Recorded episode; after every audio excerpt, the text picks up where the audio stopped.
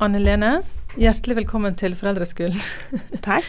Anne Lene Otterøen hun er med meg i denne serien som vi har kalt Foreldreskolen på Petro, der vi deler noen tema som vi syns er viktige når det gjelder å oppdra barn og leve som eh, en familie. Og vi har snakket mye om det med å være ekte og ikke perfekte. Mm.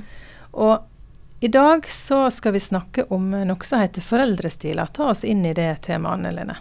Sist gang så snakket vi om dette med bagasjen vår, og det er jo i det levde livet vårt at vi får mye kompetanse og erfaringer, sånn at veldig mange av oss tenker vel tilbake på det som vi har med oss hjemmefra med takknemlighet.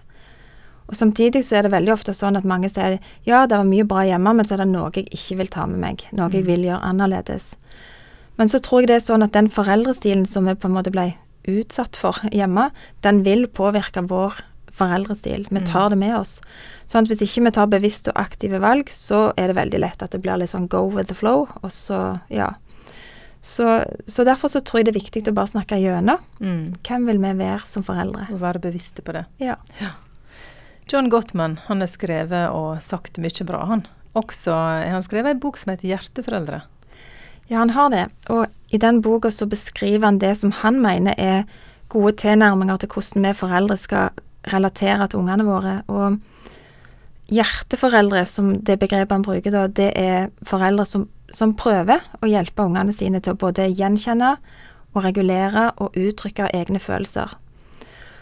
Og samtidig så er òg noe av målet at de skal kunne takle andre sine følelser overfor de sjøl. Så det handler kort sagt om å hjelpe de til å bli emosjonelt intelligente. Det Høres så fint ut. Det høres men, veldig fint ut, ja. men det er sikkert veldig bra. Ja, jeg tror det er og. Og det er fire forskjellige stiler. Fortell. Ja. Det er jo veldig mange måter å snakke om dette med foreldrestiler på, men jeg syns det som Gottmann eh, presenterer, er, er, veldig spennende. Og han deler det inn i avvisende foreldre. Dette er da foreldre som velger å være distanserte og ikke ta ungene sine følelser så mye på alvor. Og det disse ungene da lærer, det er at det er feil, dette å ha følelser. Det er upassende, eller det er ikke verdt noe. Og det som skjer da, det er at de ofte får problemer med å regulere egne følelser, og at de kan kjenne at eh, det er noe feil med meg. Er det litt sånn hvis du sier sånn åh, det er ikke noe å grine for? Ja, ja. da er du der. Mm. Ja, det er første. Og så snakker vi om negative foreldre. Ja, og de, de kan ligne på disse som er avvisende, men de òg kritiserer ungenes følelser. Mm. Sånn at har du da et sint barn, så får det barnet tydelig beskjed om at eh, det er ikke greit, sånn som du oppfører deg nå. Det er òg foreldre som gjerne bruker straff for å irettesette disse følelsene. Og dette får jo mye av det, de samme konsekvensene da som de avvisende foreldrene påfører. Mm. Og så er det noen som gir lite veiledning. Ja, de blir beskrevet som holdningsløse foreldre. De, eh, de godtar alt av følelser og, og veileder lite på det de ser. Og de er da ettergivende og setter lite grenser. Og når ungene ikke får disse grensene, så lærer de seg ikke å regulere følelsene sine. Eh, og da kan de bl.a. få problemer med dette som går på konsentrasjon, og det å etablere relasjoner eller vennskap. Mm. Og den siste er emosjonsfokuserende foreldre. Ja. Det handler om at når ungene har følelser som er vanskelige for dem, da ser foreldrene dette som en mulighet til å oppnå kontakt eller nærhet.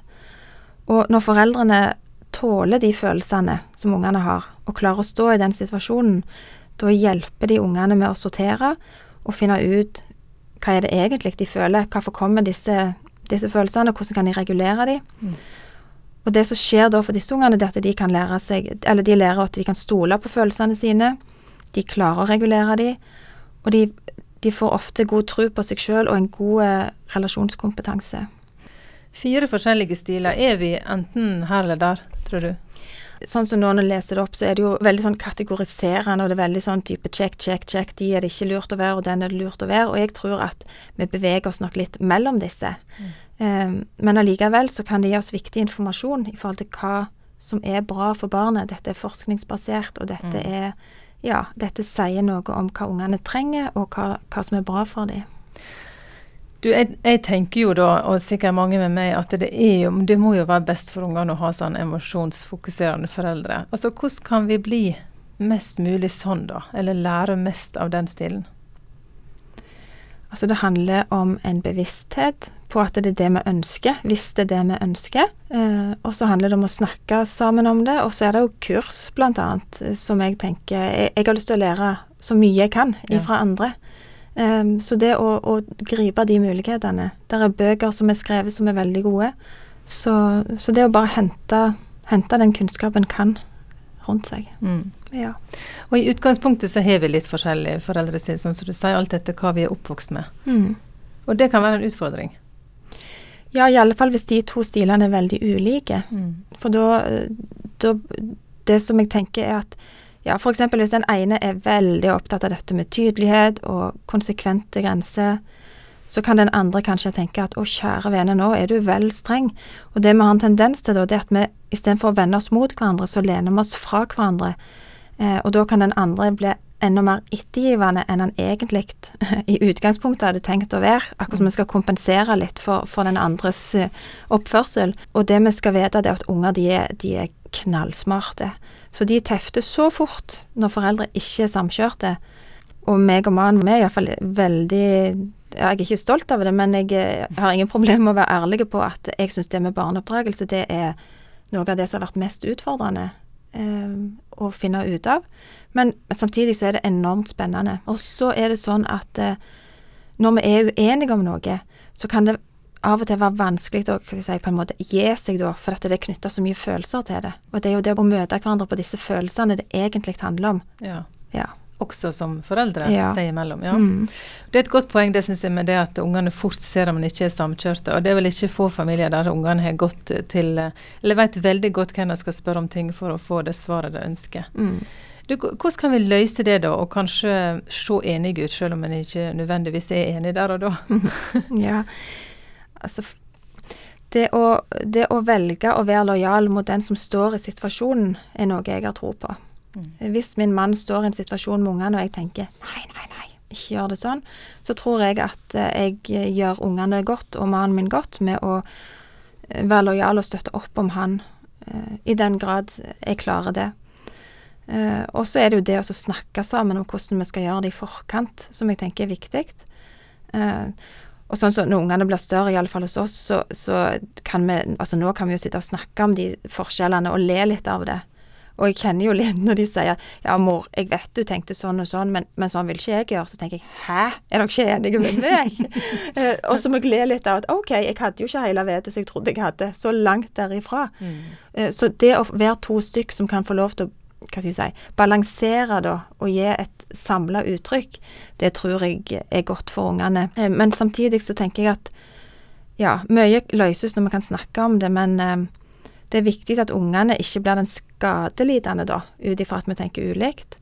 Det ansvaret er det vi voksne som må ta. Sånn at ja, diskusjonene det tar vi på tomannshånd, og overfor ungene så snakker vi så langt vi klarer og det lar seg gjøre, så snakker vi med én stemme.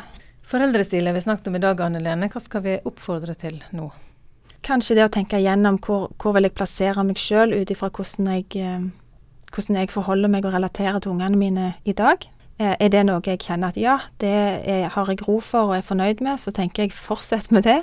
Er det noen tenker at ja, det hadde det vært lurt å kanskje se på om en skulle gjøre en justering, søk kunnskap, søk hjelp. og og øk bevisstheten på det. Og så, så er det jo spennende å være underveis. Så kan vi uansett anbefale å møte både hverandre og ungene på følelsene deres. Helt riktig.